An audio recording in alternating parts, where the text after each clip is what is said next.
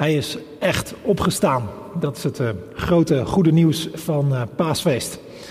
Uh, welkom in deze dienst. Fijn dat je kijkt of luistert naar deze paasdienst van Noorderlicht.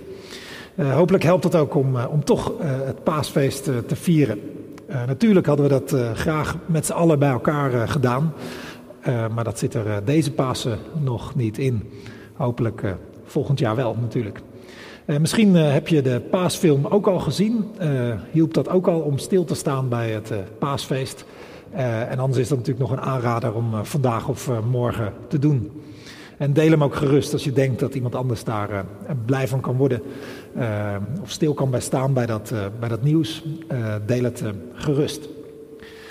Uh, er is eigenlijk eh, maar één uh, mededeling. Dat is de collecte die later in de dienst verschijnt. is voor Stichting Present. Dat is een organisatie die mensen verbindt. Die willen helpen aan mensen die wel hulp kunnen gebruiken. In kleine groepjes vaak ga je dan hulp bieden. maar er is ook geld voor nodig. Dus van harte aanbevolen om dat werk te ondersteunen. Ehm, dan ga ik nu het woord geven aan, aan Peter.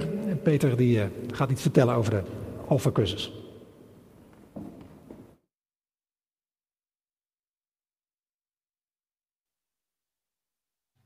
Ja, goedemorgen.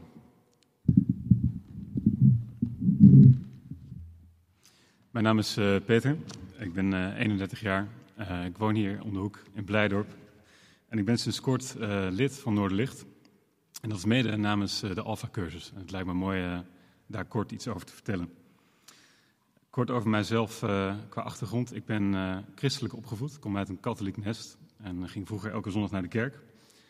En toen ging ik studeren. Ik was 18 jaar, ik ging op kamers. En uh, eigenlijk begon ik minder actief invulling te geven aan mijn geloof. Ik zag mezelf nog wel als gelovig, maar het werd een waakvlammetje. En dat is eigenlijk uh, tot vorig jaar uh, zo gebleven. Wat was dan de aanleiding voor mij om, om aan Alpha mee te doen? Twee redenen. Eentje wat gelukkig en de andere wat minder. Um, ik raakte overspannen op mijn werk. En ik werd op mijzelf teruggeworpen om te reflecteren wat voor mij belangrijk en niet belangrijk was. En daarnaast, kort daarvoor, had ik mijn uh, vriendin ten huwelijk gevraagd. Um, mijn vriendin is niet gelovig, maar ik had haar wel gevraagd om voor de kerk te trouwen. En dat samen maakte voor mij wel um, de, de, behoefte om te gaan onderzoeken wat betekent dat geloof nu voor mij? Wat is de identiteit van mijn geloof? En zo kwam ik eigenlijk bij Alpha. Ik had een aantal posters hier bij de staatssingles zien staan. Ik dacht, ik weet waar ik moet zijn. En ik ben in september uh, begonnen als deelnemer. En ik kwam daar eigenlijk in een heel mooi uh, warm bad terecht, um, waar ik anderen uh, ontmoette. En dat is eigenlijk voor mij de kracht van Alpha. Samen met anderen op reis ging om uh, te onderzoeken wat het geloof voor ons betekende. Daar zaten gelovige mensen bij, niet-gelovige mensen bij. Um, maar we konden heel mooi samen het gesprek aangaan. Samen onze twijfels delen, samen onze vragen stellen. En zo hebben we verschillende thema's behandeld gedurende onze tien weken van de Alpha-cursus. En ik ben daardoor uh, bijvoorbeeld actiever de Bijbel gaan lezen, bijvoorbeeld actiever gaan bidden. Um, gesterkt door anderen, gesterkt door de begeleiders, door mijn mededeelnemers. En eigenlijk het belangrijkste leerde ik opnieuw wat het is om het geloof te delen met elkaar. Iets wat ik zo lang voor mijzelf had gehouden, kon ik nu met anderen bespreken. En dat was voor mij zo ontzettend mooi aan Alpha. Gevolg daarvan is dat ik uh, me uiteindelijk ook heb ingeschreven voor, uh, bij Noorderlicht dat mijn geloof eigenlijk uh, opnieuw een identiteit gevormd heeft en sterker is dan, uh, dan ooit. Um, en ook dat ik uh, zelf de behoefte voelde om dit reisje ook aan anderen te gunnen. Waardoor ik nu ook sinds februari zelf een Alpha-groep begeleid. Nou, mocht je op basis van dit verhaal interesse hebben in Alpha, lijkt het je mooi of je nu wel of geen ervaring hebt met het geloof om mee te doen. Dat kan. Er start een nieuwe Alpha-cursus op 14 april. En daar kun je je voor opgeven door een mailtje te sturen aan alfa.noorderlichtrotterdam.nl. Ben je daarnaast misschien ook geïnteresseerd als Noorderlichter om uh, een groep te begeleiden, dan is dat ook zeer welkom. Um, komende dinsdag 6 april wordt daar een informatieavond voor georganiseerd. Um, dus wees daar ook zeker welkom. Dank voor jullie aandacht en uh, een fijne dienst.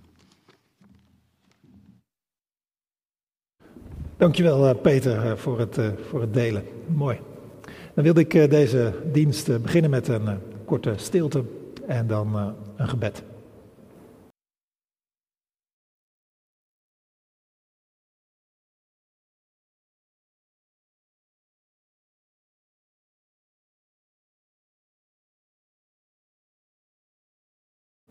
Heere God, dank u wel voor Pasen. Dank u wel, Heer Jezus, dat u bent opgestaan uit de dood. De dood hebt overwonnen, het kwaad overwonnen. Dat u eh, zo diep bent gegaan voor ons mensen. Uh, dat het niet geëindigd is aan het kruis of in het graf, maar dat u, uh, dat u leeft. Dank u wel. En we bidden u dat we daar blijven van zullen worden gedurende deze dienst, gedurende deze dagen. Dat het ons, ons zal opwekken en verblijden. Hoe we, hoe we ook zitten, hoe we ook zijn, hoe het ook gaat of niet gaat. Geef dat we ons mogen verheugen in dit goede nieuws.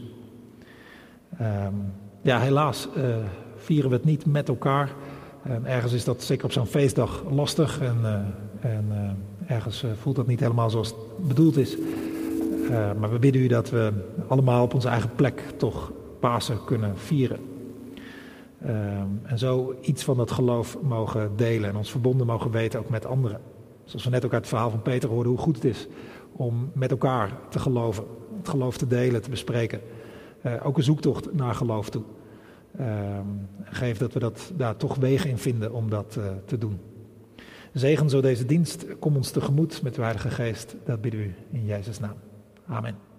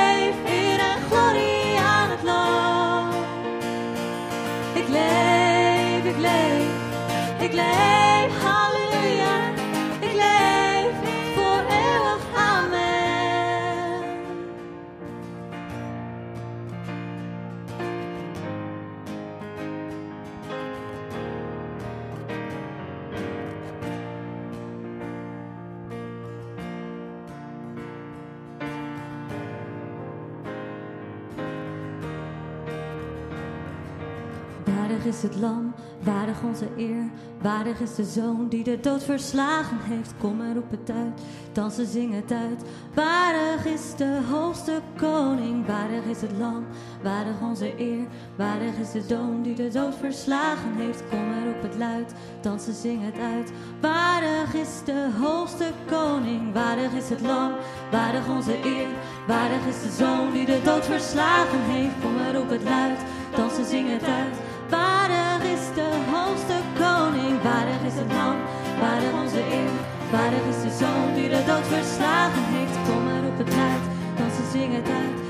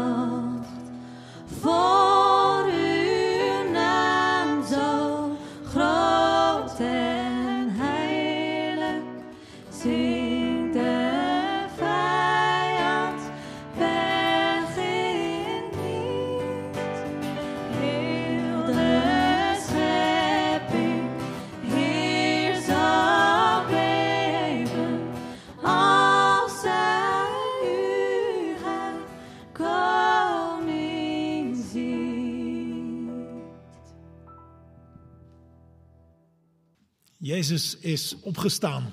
Met die eh, blijde boodschap eindigen alle vier de levensbeschrijvingen van Jezus die we hebben in het eh, Nieuwe Testament. En van die vier is het Evangelie van Marcus het kortst en het meest bondig over het leven van Jezus. In dit Evangelie is ook het kortst als het gaat om de beschrijving van de opstanding van Jezus. Helemaal als je bedenkt dat in de oorspronkelijke variant van dit Evangelie eh, dat het abrupt eindigt bij vers 8 van hoofdstuk 16. In de uiteindelijke versie, zoals je die waarschijnlijk ook in je Bijbel hebt staan, eh, heeft dat laatste stuk een verlenging gekregen.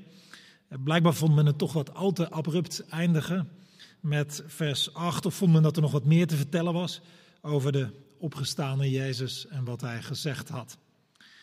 Uh, maar vandaag doen we net even alsof dat boek toch echt eindigt in vers 8. En we lezen het verhaal uit, van de opstanding uit uh, Marcus 16 vanaf vers 1. Daar staat het volgende.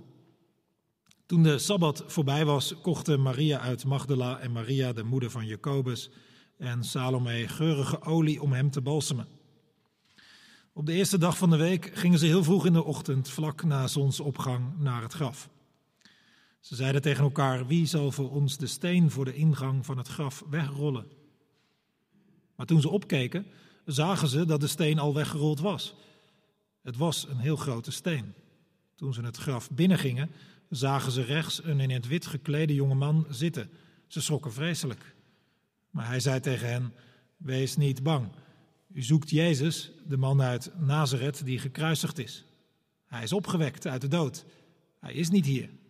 Kijk, dat is de plaats waar hij was neergelegd. Ga terug en zeg tegen zijn leerlingen en tegen Petrus: Hij gaat jullie voor naar Galilea. Daar zullen jullie hem zien, zoals hij jullie heeft gezegd. Ze gingen naar buiten en vluchtten bij het graf vandaan, want ze waren bevangen door angst en schrik. Ze waren zo erg geschrokken dat ze tegen niemand iets zeiden. Weet niet of je de politiek eh, een beetje gevolgd hebt de afgelopen weken. Er was bijna niet aan eh, te ontkomen. Eh, een gezellige boel daar in, in Den Haag. En op donderdagavond, donderdagnacht eigenlijk, liep het af. Met een soort open einde. En, en vrijdag, zaterdag en vast ook de komende dagen zal er nog volop gespeculeerd worden over hoe het nu verder zal gaan. Want dat is nogal onduidelijk, hoe het nu verder gaat. Het eindigde met een open einde.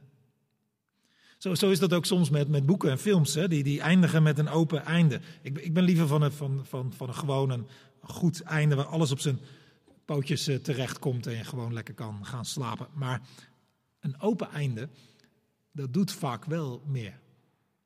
Je gaat, je gaat toch denken, hoe, hoe, zal het, hoe zal het verder gaan? Wat, wat, wat doen de hoofdrolspelers met wat er gebeurd is? Komt het nog echt goed of niet? Zullen, zullen dingen anders worden of, of anders blijven? Maar misschien ga je wel denken, wat, wat, wat zou ik nou vinden dat, dat, dat recht zou zijn, dat, dat goed zou zijn? Nou, nou zo heeft het evangelie van Marcus ook een open einde. En zeker als je het verhaal van de opstanding van Jezus al kent en als je het vergelijkt met de andere evangeliën, is dit best een verrassend einde. Je, je leest niet meer van verschijningen van Jezus, geen, geen, ontmoetingen van bijvoorbeeld Maria met de levende Jezus. Geen, geen laatste woorden van Jezus zelf aan zijn volgelingen, nee. De lezers van eh, dit evangelie in de oorspronkelijke variant moeten het doen met twee Maria's en Salome die de schrik van hun leven krijgen bij een leeg en open graf. En een engel die zegt, hij is niet hier, hij is opgewekt. En uh, uh, vertel maar aan, aan de leerlingen en Petrus dat ze ook naar Galilea moeten gaan, want daar gaat hij hen voor. En dat is het.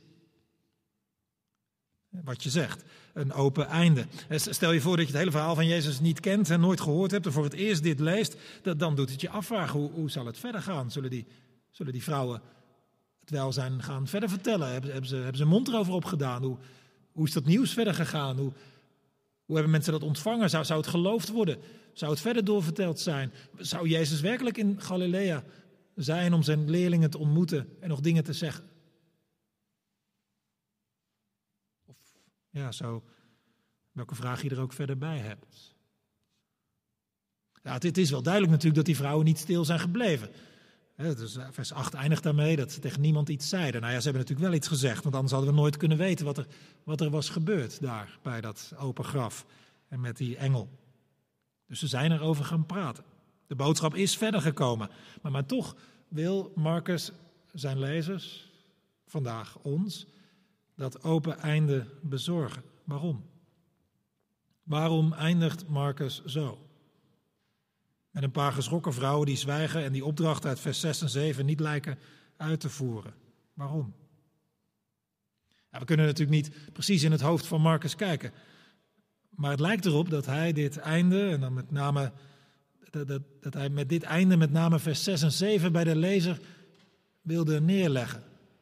Als wij dan, dan zo dit, dit opstandingsverhaal lezen, dat, dat vers 6 en 7 echt bij ons neergelegd wordt. Dat we dat meenemen, onthouden, vasthouden. Wat, wat zijn die woorden dan precies? Nou, ik lees ze gewoon nog een keer. Die engel die zegt dan, de Jezus die jullie zoeken, is hier niet. Hij is opgewekt. Ga terug, zegt tegen zijn leerlingen en tegen Petrus, hij gaat jullie voor naar Galilea. Daar zullen jullie hem zien, zoals hij jullie gezegd heeft. Laten we die woorden dan ook echt oppakken en tot ons door laten dringen. En we knippen die zinnen wat op. Hij is niet hier, hij is opgewekt. Ja, dat, dat is het grote nieuws. Jezus is niet bij de doden te vinden. Hij hoort niet bij degenen die geweest zijn. Hij is opgewekt, hij leeft. Dat is het grote en goede nieuws van Pasen. Jezus is anders dan alle anderen die ooit op de aarde hebben rondgewandeld. Hij is de dood doorgekomen. Er doorheen gekomen, dat maakt alles anders. De dood heeft niet het laatste woord meer. Dat kruis was geen zinloze dood. Wat hij gezegd en gedaan heeft, was niet alleen voor die mensen toen en daar die ontmoeten. Zijn hele bestaan, zijn hele lijden en sterven ook, heeft iets van universele betekenis. Voor alle mensen, van alle tijden, van alle plaatsen. Hij is hier niet. Hij is opgewekt. Hij leeft. Het tweede stukje waar wij stilstaan, zoals hij jullie gezegd heeft. Als je het hele Marcus Evangelie nog eens even zou lezen, dan zou je inderdaad ontdekken dat, dat Jezus het meerdere keren gezegd had. Dat hij op zou staan uit de dood. Dat, dat, dat hij zou sterven inderdaad, maar na drie dagen zou opstaan. Bijvoorbeeld in hoofdstuk 14, vers 28. Maar nadat ik uit de dood ben opgewekt, zal ik jullie voorgaan naar Galilea. Had gezegd tegen zijn leerlingen. Meerdere keren, maar, maar ze hadden het nooit gedacht. Niet op gerekend. Paste niet in hun paradigma dat iemand uit, werkelijk uit de dood zou opstaan. Misschien dachten ze dat Jezus iets, iets, iets symbolisch bedoelde. Of, of, in ieder geval, ze hadden er niet op gerekend dat het werkelijk zou gebeuren na die afschuwelijke dood aan het kruis. Ja, die vrouwen die, die hadden er ook niet op gerekend. Ze, ze waren naar dat graf gegaan, alle vroegte, om, om Jezus nog wat laatste eer te bewijzen. Maar zij krijgen het dan te horen. Hij is echt opgewekt, zoals hij gezegd had. En zij moeten dan die kerngroep rondom Jezus heen herinneren aan die woorden die hij had gezegd. Dat hij, dat hij precies zo is gegaan als hij had voorspeld. Hij is opgewekt uit de dood. Letterlijk, lichamelijk. Hij leeft. En hij gaat jullie voor naar Galilea. Dat, dat, dat zegt ook dat het, dat Jezus niet allemaal overkomen was. Dat, dat, dat, dat, zijn lijden, zijn dood, ook zijn opstanding niet, niet als bij een verrassing hem gebeurde. Nee. Hij ging die weg heel bewust. Hij wist dat het die kant op moest gaan. Dat het door de dood heen moest komen. Hij wist het allemaal en had het gezegd. Ja, die leerlingen hadden er niet op gerekend dus. En ze waren dus ook niet naar Galilea gegaan. Terwijl ze daar wel naartoe moesten. Dan het derde stukje wat, wat die engel zegt. Ga terug en zeg tegen zijn leerlingen en Petrus. Die vrouwen die, die, die, die, die, die moeten van de engelen dus niet bij dat lege open graf blijven staan, maar ze moeten terug. Want ze hebben iets te zeggen. Ze hebben een boodschap voor die leerlingen, die groep om Jezus heen. Die, die boodschap is ook voor Petrus. Staat er expliciet bij. Ook, ook voor degene die, die Jezus keihard had verraden, die, die hem had verlogend. Die zich voor hem had geschaamd. En, en hiermee is duidelijk dat, dat Jezus die Petrus niet afschrijft. En dat, dat zouden die leerlingen, hè, die, die andere, de rest van de groep best natuurlijk kunnen denken. Een grote kans dat, dat Petrus een motie van afkeuring had gekregen van zijn medevolgelingen. Misschien wel een motie van wantrouwen zelfs. Die had het misschien ook wel gehaald als ze, als ze waren gaan stemmen met elkaar. Weg met die Petrus, want die was niet geloofwaardig meer, niet, niet te vertrouwen. Misschien vond Petrus zichzelf ook niet te vertrouwen meer. Ook niet geloofwaardig meer. Misschien had Petrus zichzelf al afgeschreven. En mooi dat die engel daarom zegt, zeg het tegen de leerlingen. En Petrus, die, die hoort er nog steeds bij. Mooi is dat. Voor iedereen die de neiging heeft zichzelf af te schrijven omdat je gefaald hebt of omdat je de mist in bent gegaan. Of, of voor, voor iedereen die de boodschap heeft, heeft gevoeld, we, je er niet meer bij als je, als je dit op je geweten hebt, als je dit hebt gedaan. Als je dat voelt, dan kun je in de plaats van M. Petrus ook je eigen naam invullen. Want Jezus heeft zeker nog wel een boodschap aan je. Ja, hij moet misschien wel besproken worden, uitgesproken, maar die wordt zeker niet afgeschreven. Dan het vierde en het laatste stukje uit, dat, uit die woorden aan die, die twee Maria's en Salome. En daar staan we dan nog even net wat langer bij stil, wat dat betekent voor ons. Zeg dat ze naar Galilea moeten gaan, want daar zullen ze hem zien. Daar zullen ze Jezus zien. Ze moeten naar Galilea om Jezus te zien. We weten uit andere evangelie dat die leerlingen dit hebben opgevolgd en ze hebben Jezus gezien, meerdere malen, letterlijk. Maar wat, wat betekenen die woorden dan voor ons? Wij die, die ze nu lezen, anno 2021, kunnen wij wellicht Jezus ook zien? Dat impliceert deze tekst wel, dat, dat we Jezus kunnen, kunnen zien. En, en niet middels een directe verschijning, zoals Jezus in de eerste weken na zijn opstanding geregeld deed, om aan te tonen dat hij werkelijk was opgestaan uit de dood.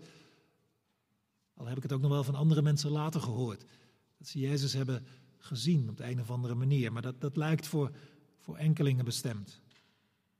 Voor, voor verreweg de meeste mensen zit het anders. Die wordt gevraagd om Jezus op een andere manier te zien, op een andere manier oog te krijgen voor Jezus, voor de levende Jezus. Hoe dan? Hoe kun je oog krijgen voor de levende Jezus? Door naar Galilea te gaan. Daar zit het in. Wat betekent dat dan? Drie dingen. Naar Galilea gaan betekent in het licht van het hele Marcus-evangelie gaan waarnaar het begon in Marcus 1. In Marcus 1 begon het in Galilea. Daar, daar begon Jezus op te treden zijn dingen te doen, zijn woorden te zeggen, de mensen te genezen, mensen te helpen, zijn onderwijs te geven, vertellen hoe het, hoe, wie God werkelijk is. Het begon allemaal in Galilea. Dus, dus als het nu afloopt in Marcus 16, vers 7, ga terug naar Galilea, dan betekent dat ook, ga terug naar hoofdstuk 1, begin weer te lezen. Maar dan zo dat het dus niet gaat over iemand die was, maar over iemand die is, over iemand die leeft. Lees het opnieuw en blijf het lezen. Dat het daarover gaat, over Jezus Christus die nog steeds leeft. Dat is de boodschap ook voor ons. Blijven lezen in Marcus en die andere evangeliën. Blijven lezen. En steeds weer bedenken dat het over hem gaat, die niet iemand is van vroeger, maar iemand van nu. En als je hem leest, dan kun je hem zomaar gaan zien. Kun je hem zomaar tegenkomen, ontdekken. Door het lezen van de Evangelie heen kan Jezus zomaar aan verschijnen. Dat je merkt dat je aangesproken wordt. Dat je geraakt wordt. Dat je, dat je ontdekt dat er aanspraak op, je, op, op je wordt gedaan. Dat je, dat je uitgedaagd misschien wordt. Bevraagd, uitgenodigd, geholpen of, of wat dan ook. En dat je zomaar, zomaar doorkrijgt. Dat Jezus met jou van doen wil hebben. Met jou te maken heeft zich, zich bemoeit met je leven. Betrokken is op, op wat je doet, wat je meemaakt. Blijven lezen en herlezen dat evangelie. Samen met anderen, voor jezelf, in de kerk of daarbuiten. Blijven lezen. En dan loop je zomaar de kans om Jezus te zien. Het tweede, naar Galilea gaan, dat, dat kan ook nog iets anders betekenen. In die tijd stelde Galilea niet zoveel voor. In Judea, daar gebeurde het, met name in Jeruzalem, daar, daar gebeurde het voor de Joden. Galilea was toch een beetje een achtergebleven gebied. De mensen daar waren ook een beetje, ja, niet, niet, niet zo gelovig zo voor de, ja, dat was allemaal een beetje minder. Voor Jezus was Galilea echter wel belangrijk. Hij, trok er vaker rond. En het, lijkt er ook op dat hij daar meer bereikte dan, dan in Jeruzalem. Veelzeggend is ook dat, dat in Jeruzalem Jezus uiteindelijk uh, uit de weg geruimd werd. Uh, gearresteerd en, en de doodstraf kreeg. In Galilea had Jezus ietsje meer ruimte, lijkt het wel. Ja, in Galilea was het niet zo hip en happening, nee. En Galilea staat ook voor, voor die plek, of die momenten in je leven. Of, of, of, of die mensen waar, waar het allemaal misschien niet zo, niet, zo, niet zo mooi is. Misschien allemaal voor, voor je gevoel allemaal wel wat minder is. Maar daar, daar waar het allemaal wat minder is, heb je meer kans om Jezus tegen te komen. En want zoveel wordt ook wel duidelijk als, als, je, als je naar Jezus kijkt, hoe die, hoe zelf was. Hè? De, hij is niet zozeer daar waar de mensen het allemaal al weten, waar, ze vol zijn van zichzelf en het gemaakt hebben en geslaagd zijn en het allemaal gered hebben. Dan zegt Jezus, ja, die, die mensen hebben mij niet nodig. De. En hij gaat zich bezighouden met andere mensen. Jezus is daar waar mensen dwalen, of ziek zijn, of, of arm zijn, nederig van geest, hongerig, gevangen. Galilea dus, het allemaal een beetje minder is. Waar mensen het minder redden, het minder doen. Daar is Jezus te vinden. Nog steeds. Wat al een beetje minder is. Daar heb je veel meer kans om Jezus tegen te komen. En we hebben mensen die, die, die, die, bij wie alles fantastisch is, die het helemaal hebben gemaakt, die het allemaal voor elkaar hebben en zo. Ja, daar kan Jezus niet zoveel mee. Kom hem ook minder snel tegen. Waar het heel, heel, veel, heel veel herrie is, heel veel stemmen, van alles. Nou, Jezus is eerder daar waar het wat, wat, stiller is, wat, wat rustiger is. En daar misschien wel vooral waar, het leven echt taai is, waar, waar, waar, het, lastig is, waar, waar honger wordt geleden, waar, waar, het, waar, waar mensen arm zijn, waar, waar eenzaam is. Daar heb je veel meer kans om Jezus tegen te komen. naar Galilea gaan om Jezus te zien. Als derde nog dit. Die, die, leerlingen en Petrus die moeten samen gaan met elkaar naar Galilea. Petrus ook mee, met elkaar. Gehoor geven aan wat Jezus zegt als groep volgelingen. Dan zullen ze daar Jezus zien. Je zou dat zo kunnen vertalen. Je hebt meer kans om Jezus te zien als je optrekt met anderen die gehoor geven aan Jezus' woorden. Het doet me denken aan wat, wat Peter ook vertelde bij de, bij de intro net, over de alfa. Als, als je met anderen zoekt, vind je hem veel eerder. Misschien ken je het verhaal van Thomas ook wel. Er was een leerling die zich in eerste instantie buiten de groep volgelingen van Jezus zette. het hoefde allemaal van hem niet meer, hij geloofde het allemaal niet meer en het was zo teleurgesteld en hij, hij zette zich buiten de groep. En toen liep hij Jezus mis. En toen hij een week later alsnog aanhaakte bij de, bij de groep, met, met heel, veel, heel veel weerzin, denk ik, en weerstand en, en, en, nog steeds vol twijfels en zo, en hij wist het allemaal niet meer. Maar toen hij wel bij de groep was, toen zag hij Jezus ook.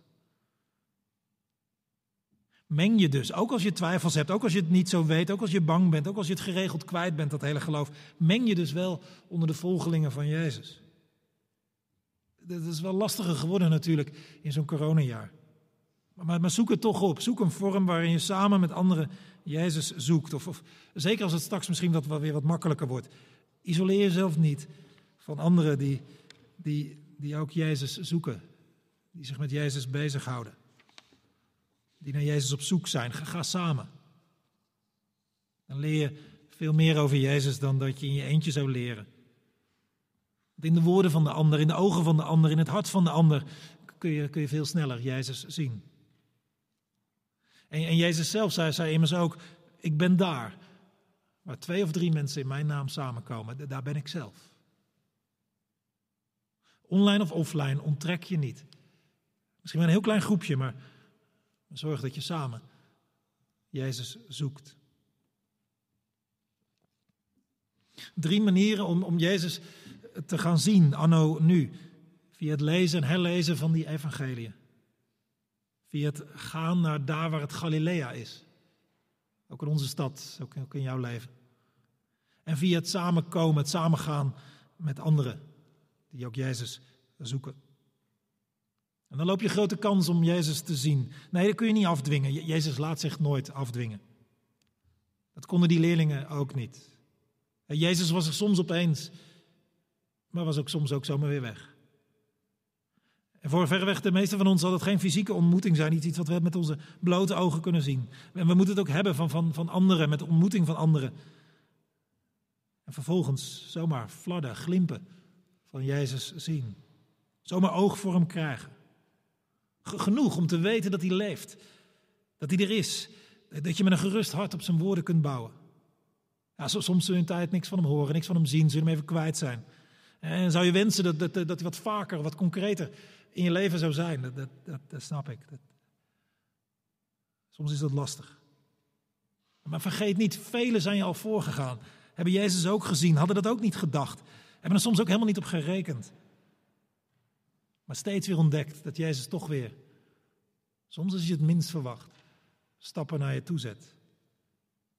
En zich laat vinden. Bijna altijd via anderen. En als je zo Jezus hebt gezien, als je er oog voor hebt gekregen dat Jezus de levende is, dan ga je dit verhaal van Marcus proberen voor te zetten.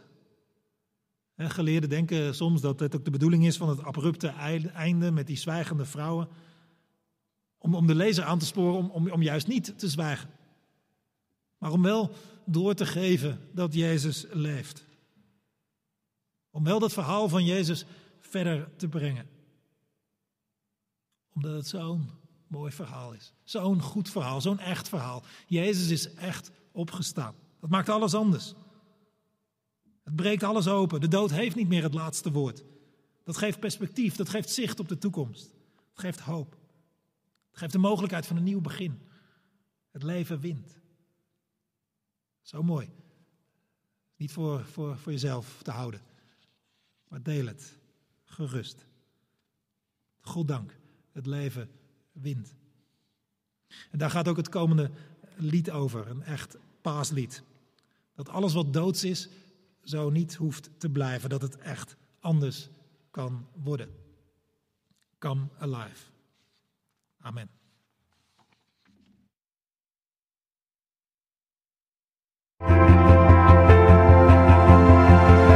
Through the eyes of men, it seems there's so much we have lost as we look down the road where all the prodigals have walked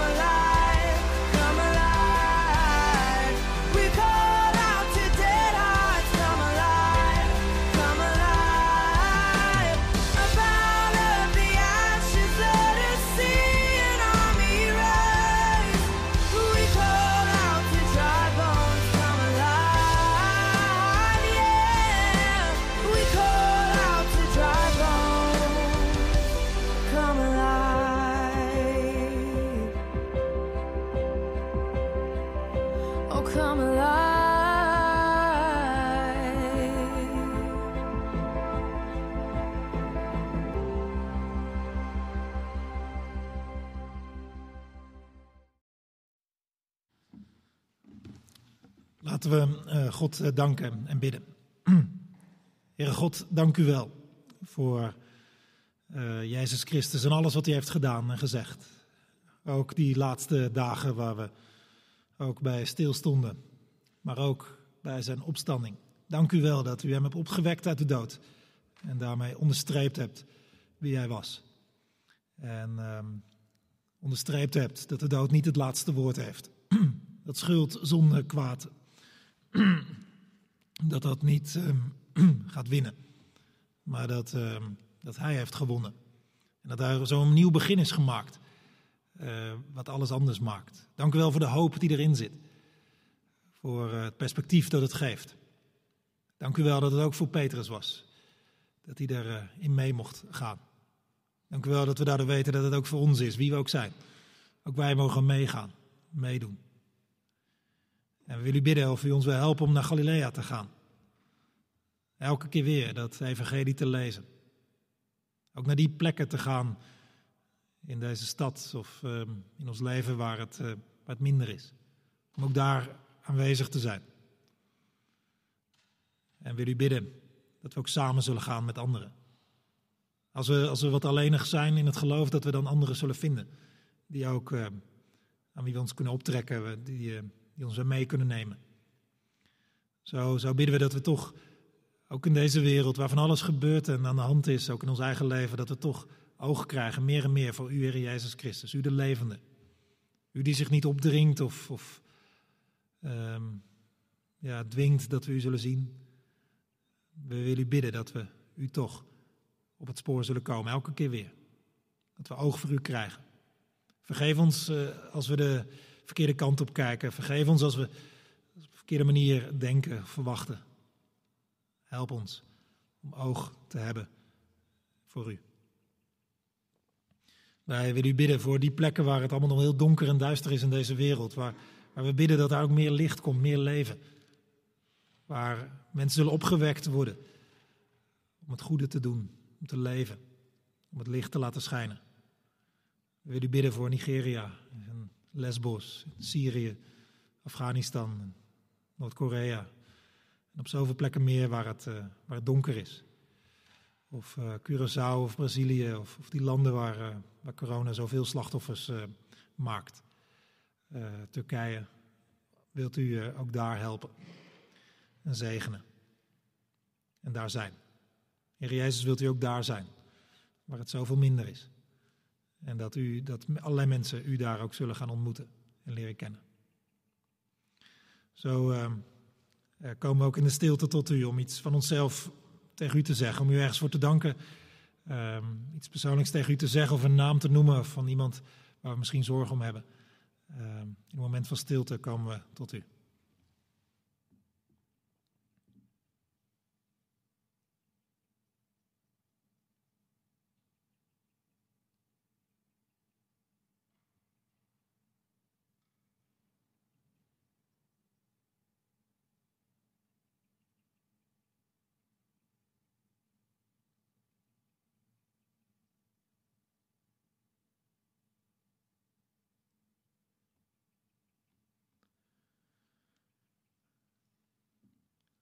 Hoor onze gebeden en neem onze eh, dank aan.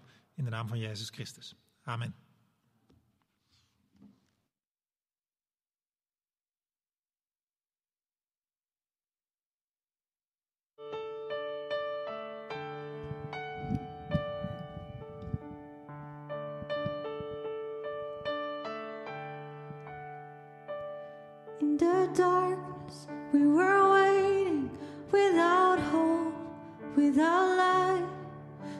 somehow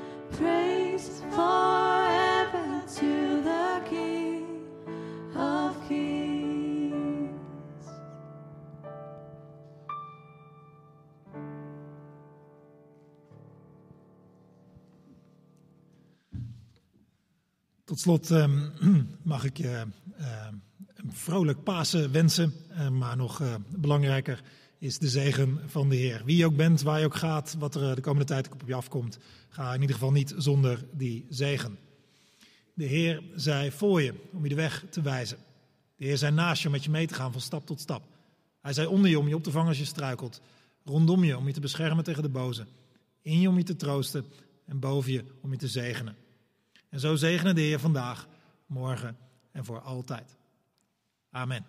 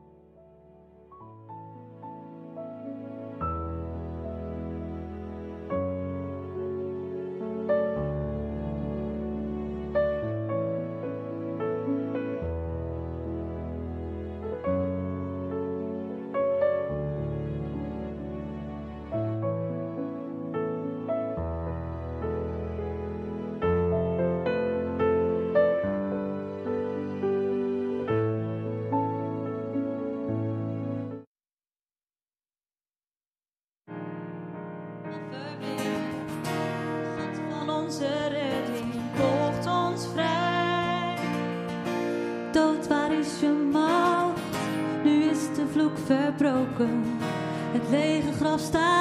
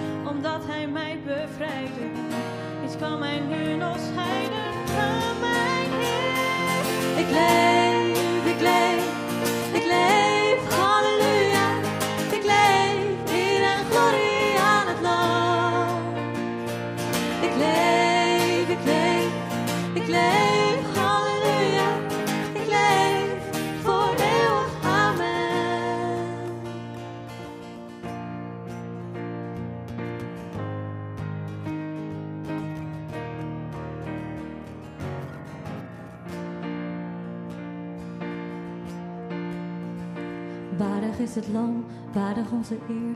Waardig is de zoon die de dood verslagen heeft. Kom er op het luid, dansen zingen tijd.